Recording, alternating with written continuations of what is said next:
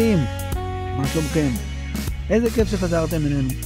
אני עקיבא צוקרמן, ואנחנו עם עוד סיפור מסיפורי תנ"ך לילדים. אבל לפני כן, הודעה מהילדים שלי, טוביה וזוהר. רגע לפני שנתחיל, אני רוצה להזכיר לכם שאנחנו שמחים מאוד על כל ילד וכל מבוגר שמאזין לנו. ואם אתם רוצים לעזור לנו, אתם יכולים לספר על הפודקאסט לחבר שלכם או לבן דוד שלכם, שגם הוא יקשיב לסיפורים. ויש עוד דרכים לעזור לסיפורי תנ"ך לילדים לגדול. אתם יכולים לדרג אותנו באפליקציה שבה אתם מאזינים. זה מאוד יעזור לנו. אפשר גם לתרום לנו כסף בביט או בפייבוקס. יש פרטים בדף של הפרק. רבים מכם תורמים ועוזרים לסיפורי תנ"ך לילדים לגדול ולהיות מקצועית יותר. תודה רבה לכולכם, ועכשיו לסיפור. בפעם הקודמת, אתם בטח זוכרים, סיפרנו על לוח השנה המיוחד שבני ישראל קיבלו ביציאת מצרים.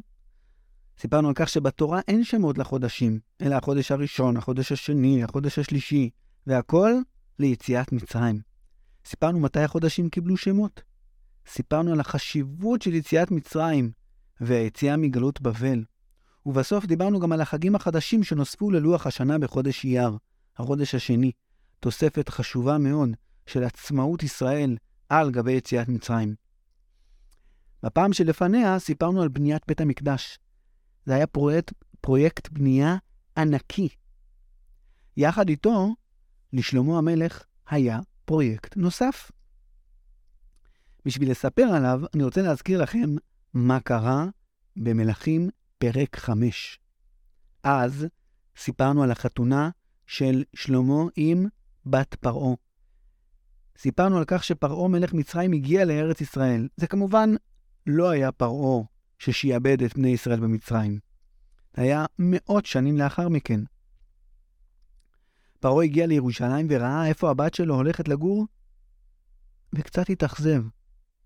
הבית של שלמה לא היה מאוד גדול, ולא היה מאוד מפואר. הוא כן היה הבית הכי גדול והכי מפואר בירושלים, אבל ביחס לארמון שהיה לפרעה מלך מצרים, הוא היה די עלוב. שלמה הבטיח לפרעה שהוא יבנה בית חדש, גדול יותר, ובאמת, שלמה התחיל יחד עם בניית בית המקדש בבניית הארמון. בכל שבוע הייתה לשלמה המלך ישיבה, פגישה בארמון שלו עם כל המנהלים שעסקו בבניית בית המקדש.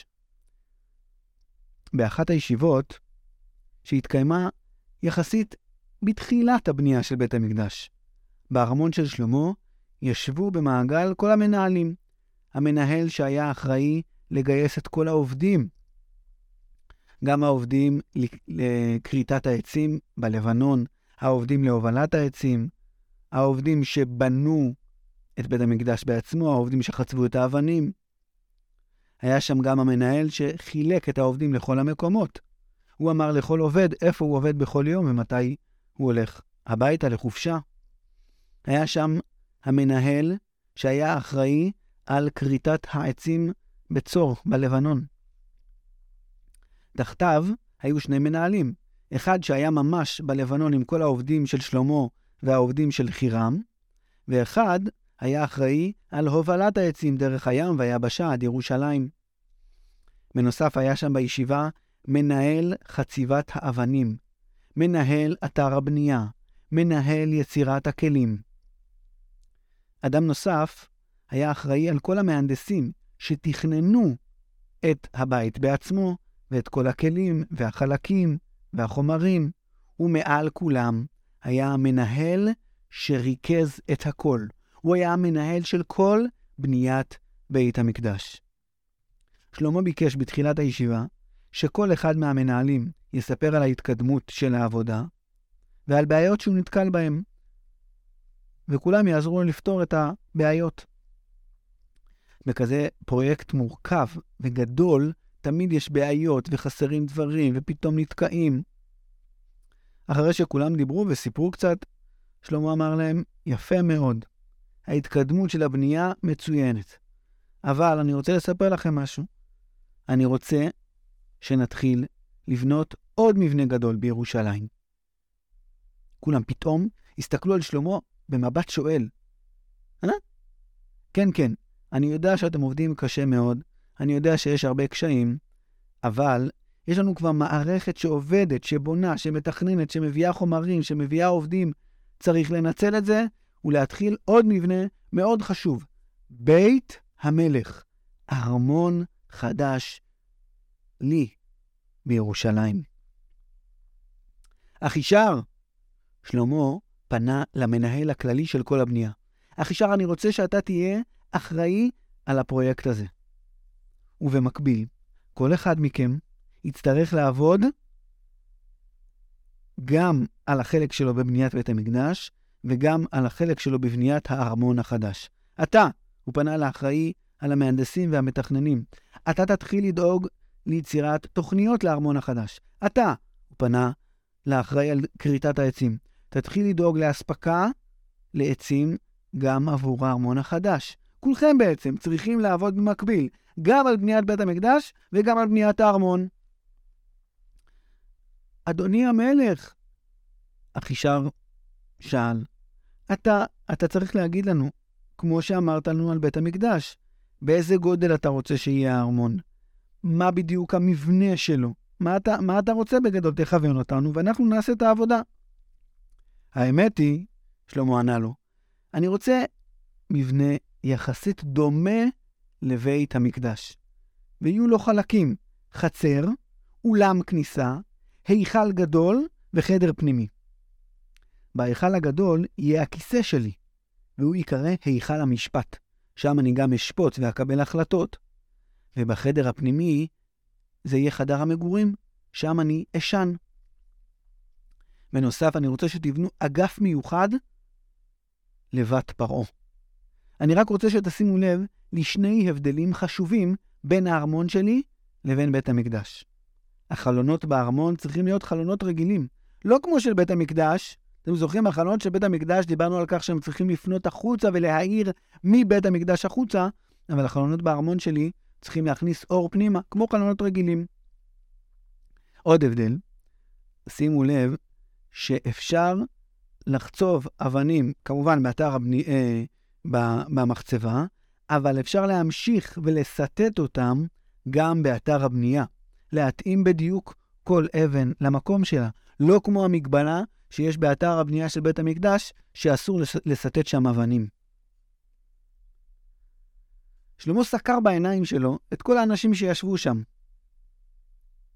ואז הוא שאל אותם, מה קרה? למה אתם נראים כאילו נפלתם באמצע העבודה? אף אחד לא העז לדבר. ואחרי שתיקה של כמה שניות, אחישר, שוב, המנהל הכללי, אמר, אדוני המלך, אה, אני, אני לא... אני לא בטוח ש... שנצליח לעשות את שני הדברים האלה ביחד, גם בית המקדש וגם הארמון. אתם תצליחו, אתם תצליחו, אתם תעבדו קשה, אני יודע, אבל אתם תצליחו. אבל, אדוני המלך, אני חושש שאנחנו לא נעשה את העבודה כמו שצריך, שיהיו טעויות ותקלות חמורות. לא, לא, לא, לא, אתם תעבדו בזהירות, ביסודיות, אבל תדייקו. לא לעשות טעויות, לא לעשות עבודה לא רצינית. אדוני המלך, אם אנחנו נעבוד גם ביסודיות ובזהירות, וגם על שני אתרי בנייה כאלה מורכבים וקשים במקביל, אנחנו נתעכב מאוד בבנייה, היא תיקח לנו הרבה הרבה יותר זמן. נו, מה זאת אומרת? ברור שזה ייקח יותר זמן. אז מה? אנחנו עקב... עקביים. אנחנו נעבוד קשה, נעבוד מסודר, נתמיד, ונצליח לסיים את שני הפרויקטים, שזה יהיה יותר מאוחר, אין לי בעיה. אבל נסיים אותם, את בית המקדש ואת הארמון החדש. אדוני המלך, יש החלטה חשובה אחת שאתה צריך לקבל אותה. כן, אני שומע. אנחנו צריכים להחליט בכל דבר את מה מעדיפים ראשון, למה יש קדימות, לבית המקדש או לארמון, למי מספקים עצים קודם, למי מספקים אבנים קודם, למי מספקים זהב קודם, את מי מתכננים קודם, כשיש תקלה במה מטפלים קודם. צריך להחליט. למה יש עדיפות ראשונה מבחינתך? לבית המקדש או לארמון? שלמה שמע את השאלה וצחק, מה זאת אומרת? זה לא ברור לכם? קודם כל, בית המקדש. זאת הבטחה שהבטחתי לאבא שלי, וזה חשוב יותר. אתם מבצעים כל הזמן את המשימות שקשורות לבית המקדש קודם, ורק אחר כך את המשימות של הארמון, של הבית שלי. אנחנו נסיים לבנות את בית המקדש, ורק אחר כך את הבית שלי, וזה יתעכב, וזה בסדר שזה יתעכב. שני הפרויקטים הללו היו ענקיים, אפילו לא גדולים מאוד, ענקיים. אבל באמת העדיפות הראשונה הייתה לבית המקדש. וכך בניית בית המקדש הסתיימה אחרי שבע שנים מהיום שבו היא התחילה, ובניית הארמון של שלמה הסתיימה אחרי 13 שנה. רק שש שנים אחרי ששלמה סיים לבנות את בית המקדש, הוא סיים לבנות את הארמון שלו. הארמון של שלמה היה בנוי מתחת לבית המקדש. מי שמכיר את ירושלים העתיקה, לא ירושלים שהיום בין החומות, אלא את החלק של ירושלים שנקרא היום עיר דוד. היא בנויה בעלייה. עולים ממעיין השילוח, דרך עיר דוד, עד ההר, עד הר הבית.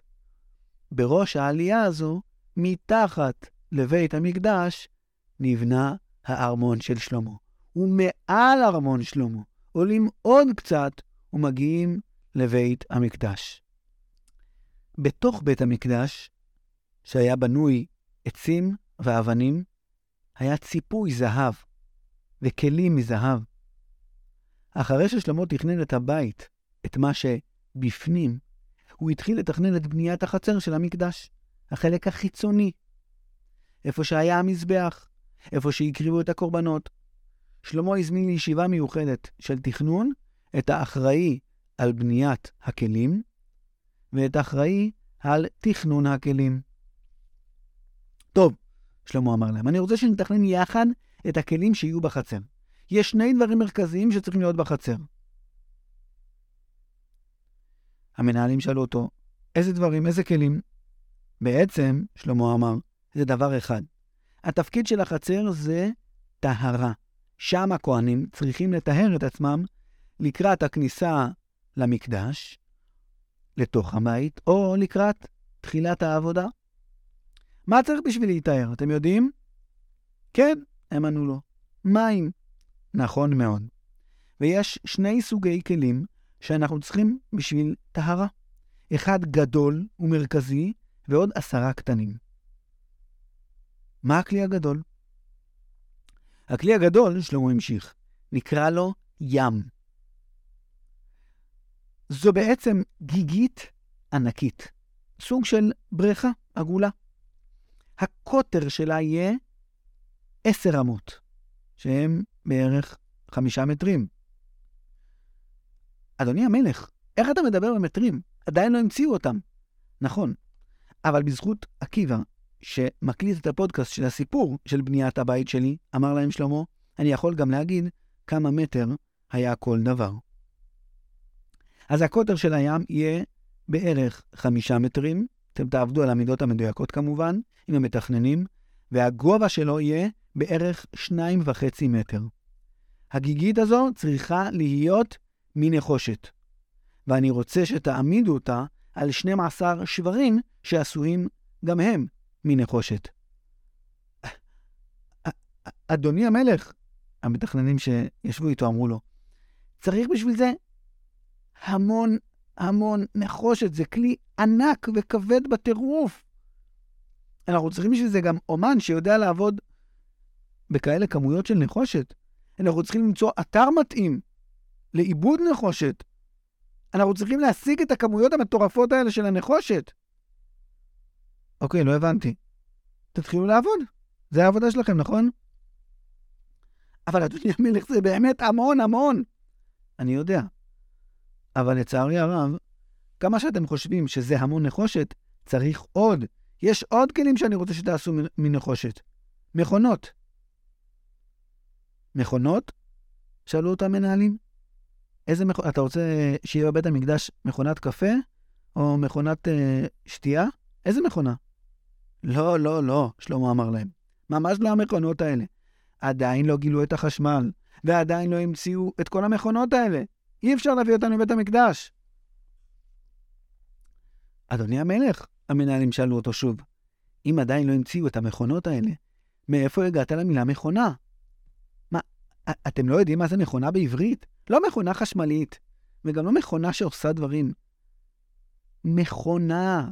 זה לא מזכיר לכם כלי בבית המקדש? תחשבו טוב, אתם... ביקשתי מכם ללמוד את ספר שמות כמו שצריך, כדי שתדעו את המבנה של המשכן, כדי שתוכלו לבנות את בית המקדש כמו שצריך. לא למדתם את פרשת תרומה? תצווה?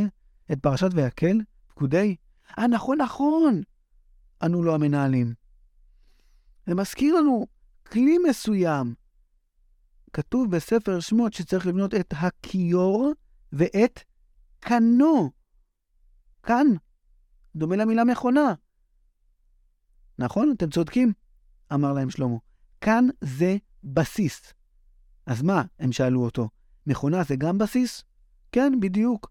צריך עשרה בסיסים מנחושת בשביל עשרה כיורי נחושת. טוב, הבנו. עכשיו, תגיד לנו בבקשה, אדוננו המלך, מה צריך להיות בכאן ומה צריך להיות בכיור? הכאן, אמר שלמה, צריך להיות עם גלגלים, אופנים. ארבעה אופנים.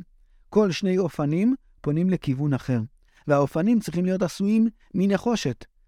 האופנים נועדו על מנת שיהיה אפשר להעביר את הכיורים ממקום למקום.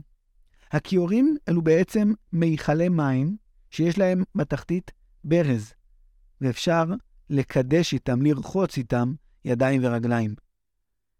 אדוננו המלך שלמה זה נשמע לנו כמו עוד המון המון נחושת. זה נכון, אמר להם שלמה, אבל זה כלים חשובים מאוד. כל פעם שהכוהנים מגיעים לבית המקדש, הם צריכים לטבול במקווה. הם יטבלו בים. כל פעם שהכוהנים מגיעים לבית המקדש, הם צריכים לקדש את הידיים והרגליים שלהם לעבודת השם מתוך הכיורים.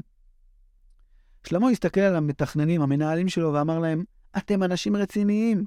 אני רוצה שתבינו שכאשר מכינים תוכניות, הן צריכים להיות, הן צריכות להיות גם שימושיות וגם לבטא רעיון. אתם שמים לב לרעיון שמבטא החומר ממנו ביקשתי מכם לעשות את הכלים בחצר? באיזה חומר משתמשים בכלים שבתוך בית המקדש? מה זאת אומרת? הם מיד ענו לו, זהב. הם הרי היו אחראים על תכנון כל הכלים והציפויים. נכון. אתם שמים לב שבחוץ בחצר יש נחושת, ובפנים יש זהב. הזהב מקודש יותר, יפה יותר. החצר היא בעצם מכינה את הכניסה לבית המקדש. החצר מנחושת, והכלים של החצר עוסקים בהכנה וטהרה לקראת הכניסה למה שהוא העיקר, למקדש. שם הכל מזהב. וואי, שלמה, איזה יופי זה. יש לי שאלה, אדוני המלך שלמה. כן, כדאי לך לשאול, כי יש עוד משהו מאוד גדול ומאוד מורכב שצריך לבנות בחצר. טוב, אז אני אשאל ואחר כך אתה תגיד לי. תגיד, שלמה, אתה יודע מה זה מכונית? שלמה הסתכל עליו, מכונית? שוב אתה מדבר איתי על דברים שעדיין לא המציאו? לא מכונית ולא מכונות. אוף, חבל. רציתי לשאול אותך, מאיפה הגיעה המילה הזו לעברית? אם זה קשור למכונות של הכיור. שלמה אמר לו, אתה יודע מה? אני לא יכול לענות לך, אבל אני יכול לבקש מעקיבא צוקרמן, שמספר את הסיפור שלי בפודקאסט שלו, סיפורי תנ"ך לילדים, להסביר לך. טוב, אז אם המנהל של יצירת הכלים של בית המקדש של שלמה שואל, ושלמה מבקש, אני אענה ואסביר. את המכונית המציאו לא לפני הרבה שנים, 150 שנה. אתם בטח צוחקים עליי, 150 שנה זה הרבה זמן.